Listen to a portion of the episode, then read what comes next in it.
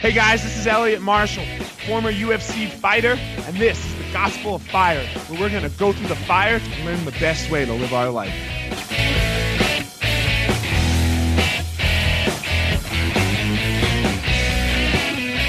We are live, guys, at the Gospel of Fire, episode 10. I am here with the UFC Lincoln Fight of the Night winner, Cory Sandhagen. What up, Cory? I'm good, man. How are you doing? I'm good, man. Let's talk about. God damn, I don't even know where do we even start with that fight. Where do we, where do we even start? The whole thing was chaos, dude. From the beginning bell to the end. And uh, here we are both thinking that we're about to go out. I'm about to just make this fool look dumb with my striking. And then just chaos for the next seven minutes. Chaos, especially for the first minute. I like. I didn't even.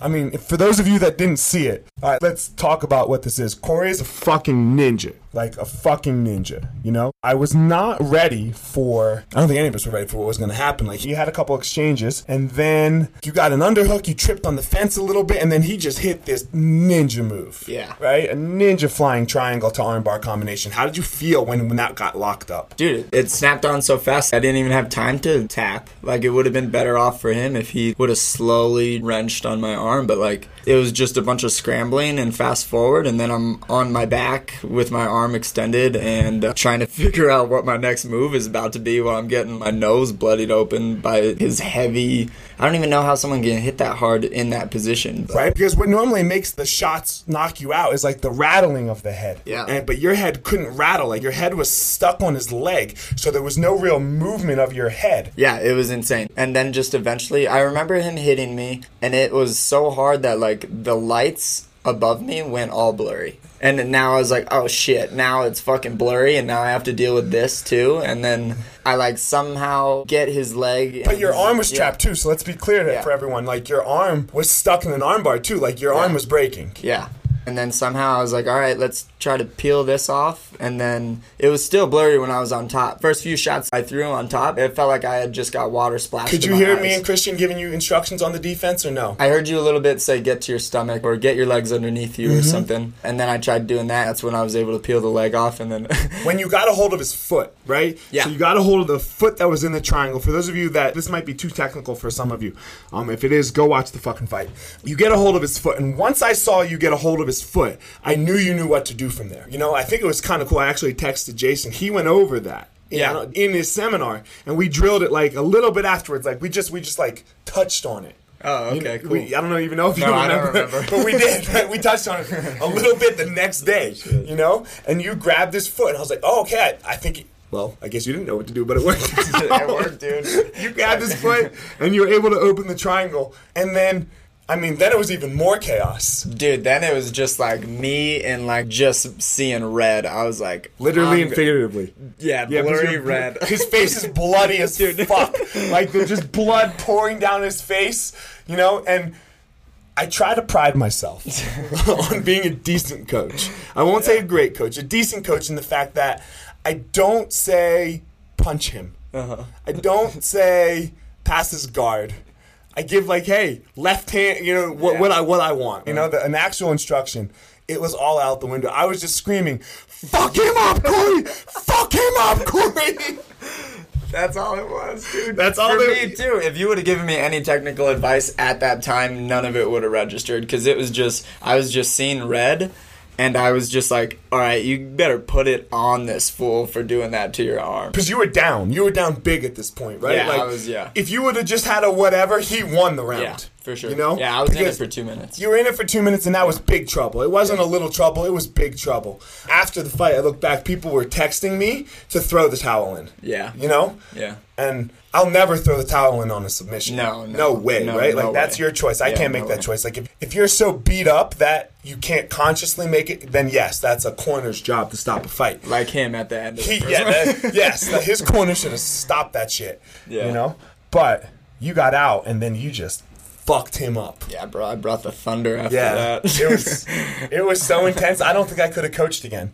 Like if you would have taken your fight that exact fight and put it first, I don't know if I would have done a very good job with yeah, you. yeah. You know? Yeah, it was exhausting, man. All I remember too is when the round ended, and me going to the stool and me being like, "All right, well, That was nuts. and then he's still in this like daze of like kind of rage a little bit, but then you and Christian both going like, "Look at him, look at him," and he wasn't even at the stool yet. He was still laying Yeah. down. yeah, Like Iuri, I mean, more fucking Dude. credit to him, right? Yeah. To actually get up off the stool. That like 20 seconds into the break in between rounds, he was laying, sitting just where you got done beating him up. yeah, You know, and he got up, got back to his corner. I watched it. They gave terrible. I mean, I didn't understand what they were saying, but they gave. They were just screaming at him. It was awful. Yeah. they looked like me and Christian. You know. And I, I think one of the funniest points for me and Christian, anyway, like looking back on it, was so everyone understands when you uh, when you corner, two guys are allowed to go into the cage and talk to the fighter in between rounds. However, when there's a cut, only one of the cornermen can actually go in because the UFC has a cut man go in to take care of the cut. So both cornermen can't go in. So Christian and I were like, we need a cut man. Christian, well, Christian goes to me, we need a cut man. I was like, okay, we need a cut man. And like, who's going in? I don't know. Are you going in? I don't know. I'm going in. You're going in. Like it was, it was total chaos, dude. I don't. It was thi- total yeah, chaos. Yeah, So, but as great as that was, and as amazing of performances that you've had recently, I say your last four now, right? Mm-hmm. The two in the LFA and then the two in the UFC. yeah, yeah. Have just been amazing performances. It's what all of us saw in the schools. Yeah. That wasn't always the case for you. No. I can remember coaching you and watching you going, what the fuck? Yeah. Right? Like, Me too, man. yeah. Me too. I would get done with the fight and be like, "You fought, you whooped his ass, but you fought like a pussy." Yeah. In my head, because Right. I know the caliber that I can fight at. and sometimes you didn't even whoop people's ass. Yeah. yeah Sometimes you win, also, yeah. right? You would win, but it wouldn't be like this Cory Yeah. that we saw. Mm-hmm. What? So, and then you lost, Yeah. right? So let's talk before the loss.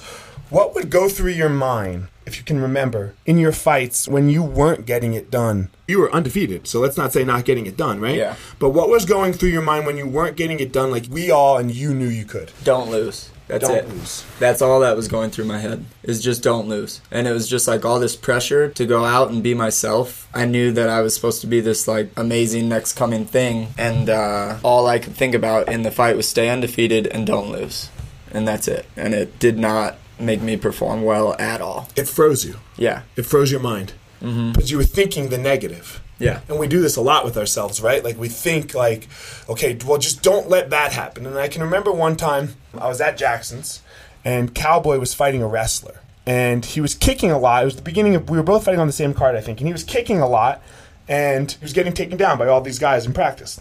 And I looked at Greg and I was like, hey man, wouldn't you want to tell him not to kick maybe? And he goes, Fire Marshal, when you tell people not to do something, they do nothing Yeah. That's totally true. to me, that's what it kind of looked like in your fights. Like, Yeah. no, I didn't know what was going on in your head, you know, but the don't lose would freeze everybody. Yeah. Yeah, it's a terrible way to go into a fight. Don't. I mean, I have the same mentality where it's like, I am going to go in here, and I shouldn't have said what I said maybe after the fight, where it was like, I'm going into this fight and I'm not losing this fight, because that's not really where my focus was. That was just best as I could uh, describe it in words. It's more like, I'm doing whatever it takes. I'm doing whatever it takes. And like, before, that's not what it was. Right. there's very big distinction between do whatever it takes and don't lose. Well, you're looking both at the same result. Yeah. Like, don't lose and do whatever it takes. You get Yeah. the result the same, right? Like, if you don't lose and you do whatever it takes, both ways you're going to be the winner. Yeah. One doesn't even really focus on the result. Yeah. Do whatever it takes. Do whatever it takes. in each moment, and that will get you the result that you want. Where don't lose is all result based, Oh, which is yeah. terrible. Let's talk about the result based stuff. I had somebody break it down like this to me once um, events plus responses equals outcomes. Right? You know? And there's two things that you have zero control over. You can't control events and you can't control outcomes. Yeah. Right? Like those are both just things that happen. Mm-hmm. The only one, the only variable there that's yours is response. Yep. And sometimes what sucks, especially with this don't lose response, is giving a good response does not always give a good outcome. Yeah. And that's what and that's the hard part I think to wrap your head around. And if your arm would have moved another half an inch, that ref probably would have stopped that fight. You think? Did you watch it again, buddy? Yeah, I guess I did. Did you see any still pictures? Your arm is definitely hyperextended. Yeah. The ref's job is to keep you safe. Mm-hmm. You would have been upset probably. Yeah. You know? I couldn't have complained. Yeah. You know, as the cornerman with, you know what I mean, like not in the fight, I couldn't have complained if, if your arm went a little more. I couldn't have complained if the ref stopped the fight. You you would have had a dislocated arm. I guess I'm surprised to hear it because it never even crossed my mind to tap. It wasn't even like, oh, like I'm gonna lose this fight now. It, it was always just like, all right, problem solve your way out of this, mm-hmm. and that's what it was. It was never like tap. It was never I'm gonna lose. It was never I'm losing. It was just, all right, this is the problem that you have right in front of you. Figure it out without getting choked. And I want to say that that was like if you had the don't lose mentality, Yeah, you would have tapped. maybe. I think you would Yeah. Well, I wouldn't just, even be just because here. you would have been focusing on Yeah. the tap, on the losing. Yeah. You're like, oh shit, here it is. It's right in front of me. I could, I could lose right now. Fuck, fuck, I'm gonna lose. I'm gonna, oh Yeah. shit. I don't think that people understand how special those decisions in those moments are. Henzo talks about it when Sakuraba broke his arm. He said that was his most proud moment in fighting. Mm. Because the decision was right there in front of him. It Yeah. was right there in front of him to give up. And no one would have looked down upon him. No one would have. Yeah. And he just chose not to. Yeah. He just chose not to. He just said, oh, This is the day I get my arm broken. I've always talked about it. And now here that day is in front of me. Yeah, I mean, uh, that's, I guess, now that I'm reflecting on it, man, because I, I mean, you know my fight style. I'm like the technical guy in the gym. Like, I go out and I, I try to make this look as artistic and as pretty as I can. And here I am walking into this fight thinking that that's the way that it's going to be. And I didn't even know that I had that in me, really. You know, like I know, and it's nice to know that I do have that in me. It's just another tool at the end of the tool belt where, like, when things get ugly, like how it did, I, I know that I'll have that inside me, which is cool to learn about myself now that I'm reflecting on it I said this to you the other day. I'm a believer that you have to earn that Yeah. every time. Yeah. Like that's not you. Like I think this is sometimes where people fall short. Is they're like, oh, I was tough, Mm-hmm. and they think they always will be. I want to say that that shit is earned. That shit is earned and uh, Every camp, every camp. every camp, every day, every day of your life, who you are is earned. You can't rest on the laurels of what you did yesterday. Like, look, you had a great fight. It's over. yeah, it's done. It's over. We're gonna rest, right? You're gonna recuperate, but then you got to earn it again. Yeah. And I'm gonna work harder, man. I don't like having a comeback. That means I had to come back from something. Yeah. I don't want that. Don't call it a comeback. Yeah, it's crazy, man. I I don't think people can understand the emotion of fighting. It's so, and we're raw. We're right after it, right? We're two days. Yeah. We're two days after it.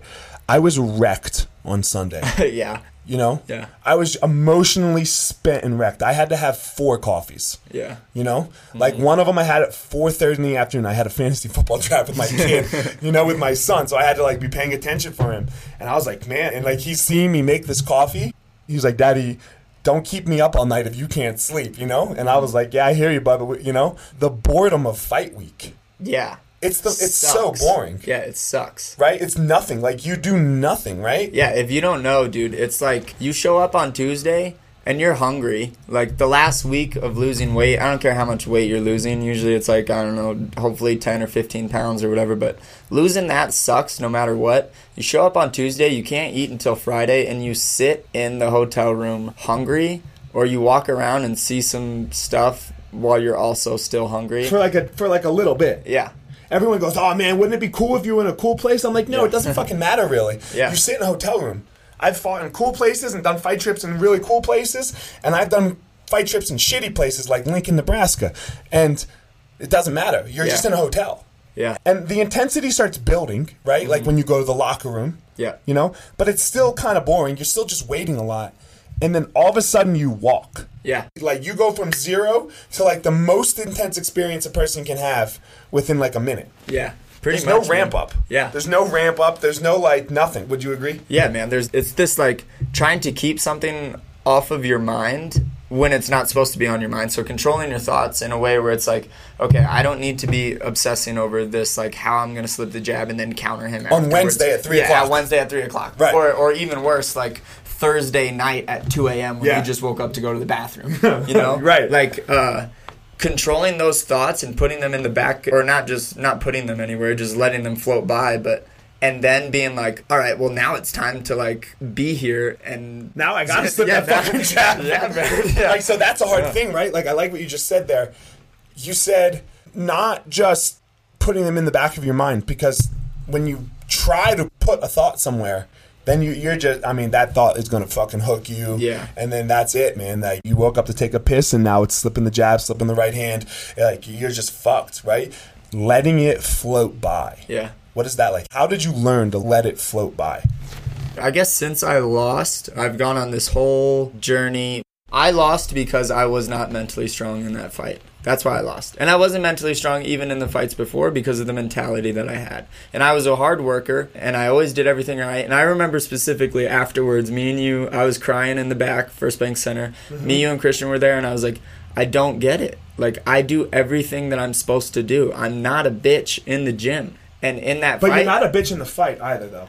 in that fight, I went out to not lose, but anyways, I lost that fight because of a break in the brain, and it wasn't anything he did. It was just on my own. Just went out, didn't didn't know what mentality to fight with. I was Remember what you told the wrong me? one. You told me when you were upset when we were sitting in the back. You said, "I didn't even want to be in there. I would have rather have just walked away." Yeah, that's what it was, and uh, that made me realize that I'm not in control of these thoughts that I have.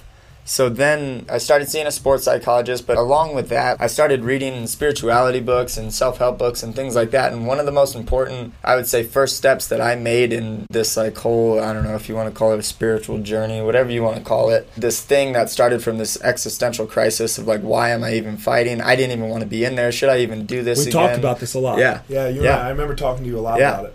Um, but the biggest thing for me and my biggest first step is when I read The Power of Now. And in The Power of Now, it goes, You are not your thoughts.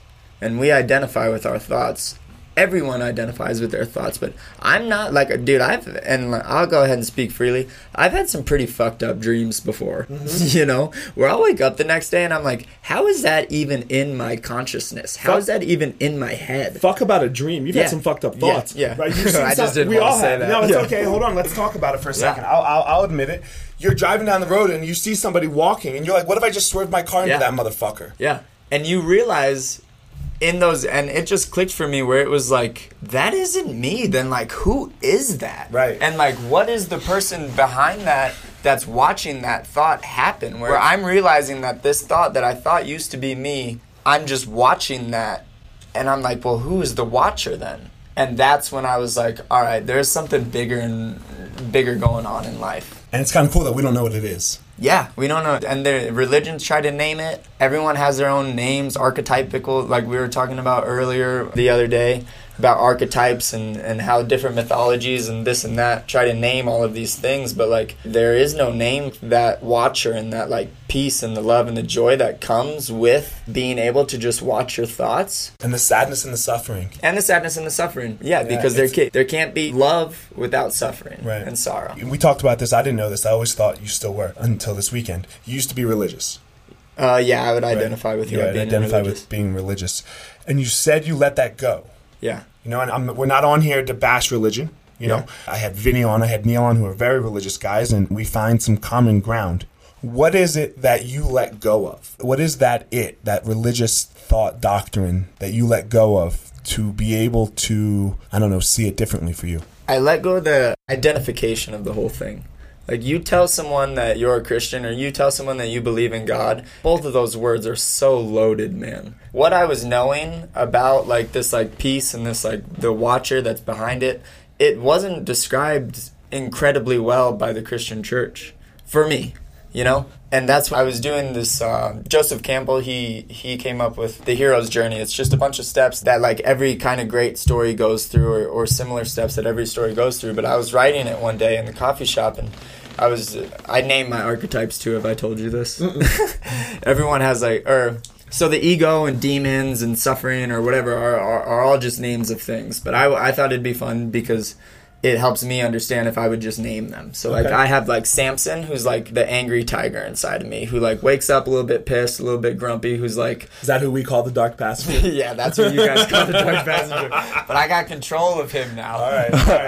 Uh, but that's Samson, and then I got like uh, Lionel, and Lionel's like the little voice in your head. He's like a frat boy. He doesn't want you to be as great as you can be, so he's like, like fuck you, man, like always making fun of you and calling you whatever name it be. But I have all these archetypes, and as I was writing this story for myself, I'm coming to the conclusion that the biggest monster and the biggest identification that I have is with Christianity because I will defend it. And I was like, what am I even defending, man? Like, uh, but then as I'm at this coffee shop and I'm realizing that like this is my last big identification because in Buddhism it says you have to let go of all needs if you want to be enlightened and you have to let go of all attachments if you want to be enlightened and have no more need because every need is just an ego that needs to be fed. And I had this need to identify with that and then at in that moment as I'm writing the story, in the story I have to meet Jesus on this cliff and push Jesus off because uh, it's like, hey man, like I'm letting go of you. And as I push Jesus off the cliff, he grows wings, flies away, and says to me, now you can finally be like me. And that's the end of my story. That's cool. It was cool. Yeah. It was a nice little uh, experiment. Yeah. Experience, maybe. Experience, yeah. For me, uh, I thought I had my weakness figured out, you know? And then I was literally getting sitting down to do this podcast. The it was my second one by myself, and and I was going to call it "Scream Your Weaknesses to the World." And as I'm like, you know, I don't like to write things down, you know, so much when I do stuff like this. Like, I don't write any questions down to ask people when I have them on the show or anything. I like to just kind of do like a thought experiment through it. And as I was thought experimenting through it, I was like, fuck. I don't think what I was going to talk about as my weakness was my weakness. I think my weakness is that I have this need for people to like me. Mm-hmm. And because I wasn't liked as a young kid, you know, mm-hmm. like all the way up through like 18, I didn't have friends that, you know, so I had this need and like people started liking me when I started getting tough. So I just screamed that I'm tough to the world. Yeah. You know, screamed it and it just, uh, it was crushing me. Yeah. Right? It was crushing me. And then when I figured that out, you know, I it was like three, four weeks ago, a month ago. It's been a little difficult, right? It's like even when you are aware of it, yeah. Like even when you push Jesus off the cliff, yeah, it's not like it was just like, oh, shit's Yeah. all better Yeah. and fucking hunky dory now, right? Like you've got fucking work to do still, like on yourself. It doesn't end, you know. And and I keep seeing more things like like when my friends get upset with me sometimes about whatever, you know, like as everyone does, as Yeah. life goes. I think it's the worst thing in the world. Like, I'm like, this is it. They're not going to be my friends anymore. Really? Yeah, no, it's totally what Yeah. happens to me because that. I mean, literally, I had that. Yeah. I picked my nose two times in like seventh grade. I had some friends. I picked my nose, and then boom, it was done. They just fucking wrecked me. Yeah. For like, I mean, years. Yeah. Years. And so I associate back with that all Yeah. the time. Yeah. And I'm aware of it now, but it doesn't mean it's easy, Yeah. right? Yeah, totally. Doesn't totally. mean it's easy, man. Yeah. How, how's it been? You're a different fighter. You're a different person. We used to see that joke of like the dark passenger, you know? That he used to come out and practice sometimes. Mm. Yeah. And we couldn't get it under control. We would sometimes just have to pull you from sparring. Yeah. You know? Like, Cory, Cory! you know, like fucking scream it, you know? Yeah. And then you somewhat snap out of it. I haven't seen the dark passenger. I, I have control, man. I killed my egos, and granted, I still like I still battle with them. Right. But there's a cool deity in Hinduism who I really like. It's Shiva, and Shiva, without going too much into it, Shiva has the serpent around his neck, and the serpent sits around his neck, and it's just the understanding of like this is my ego, and I'm in control of it. Because if you don't know your ego, then you're really fucked. You're fucked. You're not even on step Yeah, one. yeah, Like yeah, like yeah. you're gonna and you're gonna accidentally fuck some people over because you don't know your ego. Yeah. If you know your ego, if I know my Samson and I know what upsets the tiger, Right. I'm gonna keep fucking Samson away from that stuff. Right. And I'm gonna be like, hey man, like someone's gonna maybe come in lo- later, I dude. love how you named it. dude, yeah, bro. We have Charlie. We have all kinds. Okay. Of, we have the interviewer. We have Jerry, bro. They're all up there. You think I'm like schizophrenic or something talking about it, but literally, bro, that's what we kind of all are, dude. I get we it. have all these uncontrollable voices in our heads where it's like. If you're not watching them and making sure that they're in check, then you're really fucked. Then you're not even in control. Then it's the voices that are in control. And Dark Passenger is under control now. Yeah. He only he doesn't like some people though. You didn't even go dark passenger in the fight, though. Uh, that was about as close to Dark Passenger. Yeah, but you were been in a totally controlled. time. Yeah. Because if you would have gone Dark Passenger, you can only go Yeah. Dark Passenger for so long. Yeah. you don't have seven minutes of Dark Passenger, bro. I don't Yeah. think anybody does, right? Like, That's like, yeah. like that will that would crush you. You would have come back on that stool as exhausted as he was. yeah. But Yeah. you weren't there. You were still in some sort of control. Yeah. You know, because you you know, even though it was verging right there, you know, even though it was right there, I mean, like that's what shows the most to me, in my opinion. Like, and I texted you about it the other day. Like that was fucking special. Yeah. You know, like that. Uh, I don't like that word. Sorry, that was very unique. You know, I don't like special because we think we're special, and and then that can go a whole other way. Well, maybe I'll do a podcast on special, but um, that was very unique. That I would say ninety nine percent of fucking people in the UFC don't even have. That you got fucked up for a minute, two minutes, and then you went immediately to fucking him up. Yeah. and you did not have an adrenaline dump. Yeah. You know? Yeah, I was good to go. Yeah, you were good to go. And if Sam's if, if Samson would have come ho- said hello, Yeah. then that would have been the end. Yeah. that could have been the end for you. You know, Yeah. and maybe you both would have crawled back to the center of the ring. You know, Ye- yeah. You know what's funny is uh, I had a moment in between the rounds where you guys were telling me what to do, and you were like, "Okay, what are you gonna do?" And I was like, in my head, I was like, because it was such like a funny moment looking back at it. I like take a deep breath and I'm like. I'm gonna pick and pull because I knew at that moment I was like, "Damn it, I'm gonna, fu- I'm gonna actually listen." And I was like, "But I'm not gonna fucking like it, man. I want to take him down and I want to keep doing what happened, what was from before." Oh, but you guys shit. said just pick and pull, and in my head I'm like, "Ah, you're gonna listen to that." But I don't know. That was cool too because I never had had that experience either. Where Right. before I would have just been like, "Ah, fuck these guys. I'm doing what I want," you know. Right, right. But it was like that control that I had. It was like, "All right, listen to them." yeah, it was good. You know, it was Yeah. it was amazing. You know. The last thing I want to talk about, and I, I heard a little bit about it. It's hard, like when uh, I think the stadium can hear your interview, maybe, and that TV can definitely hear what you say. I can barely hear shit what people say in an interview when I'm in the cage with them. But you were, but I think Paul Felder asked you like, "What's next? Who's next? Or who do you want to call out?" And you said, "Look, man, this is just like a part of my life." You know, like I love doing it. It's an honor and a privilege. You said something to this effect. What, what did you say? Um, this is a small moment in my life, and this is very cool. But the people that make my life are my team, my family, and my friends. And like, I understand that I'm 26. If I'm lucky, I have like eight more years in this, and that seems even like, especially after like two days after like that chaos. Right. Like eight more years of doing things like that seems completely out of the books for me. But Well, hopefully we don't do Yeah, hopefully, yeah. You got fight of the night, homie. Let's not get yeah, many we more don't need of to, them. yeah, we don't need any more Performance comebacks. bonuses, okay? Yeah. So Uh, anyway, go ahead. Um, but that's what it is, man. Is that like fighting is just like a small part, and that's why I love this team so much. Is because we're, I believe most of us are on board with the idea of fighting is very cool, and we're gonna be as good as it at it as we can be in our careers. But what matters most is when we're done. Like when we're done is what matters most, and the caliber of human that you're going to be, and the amount of control that you have over your ego, and the light that you can shine on other people from going through such like a crazy sport for years and years. Like that's the important part. So Man, I, I said it with Neil, and I'm going to say it with you. I'm super blessed in my life right now that I just feel like everyone that I'm working with is like that I'm working closely with. You know, my fighters that I'm working closely with, and my jujitsu fighters that I'm working closely with, the mm-hmm. people at the school. We've been able to find this bigger purpose with our life, right? That this actual thing that we're doing right now, it matters. But what matters most is that every day it's a step towards a good person. Mm-hmm. And every day, just like in your fight, you're going to have to earn that again, mm-hmm. right? Like we talked about earlier, you're going to have to earn the right to be able to fight through what you fought through. We have to earn the right to be good people every day. There's no rollover minutes. yeah, You know, there's no rollover minutes, the extra credit that I build up from yesterday that lets you take today off. You know, so I appreciate that. Um, I told you in the airport. I think, man, I thought we were gonna get in trouble in the airport, right?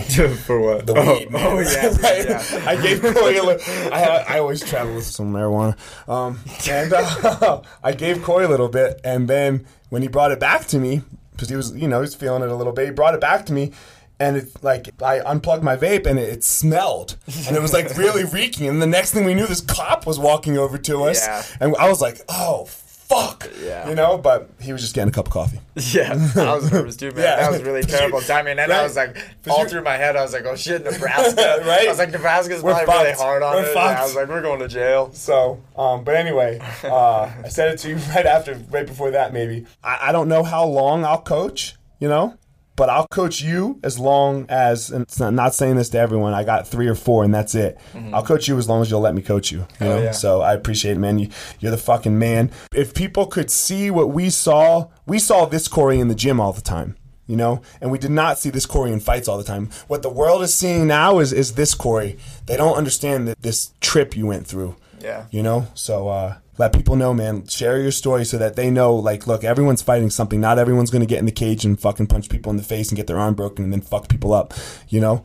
But everyone's got a fight to have.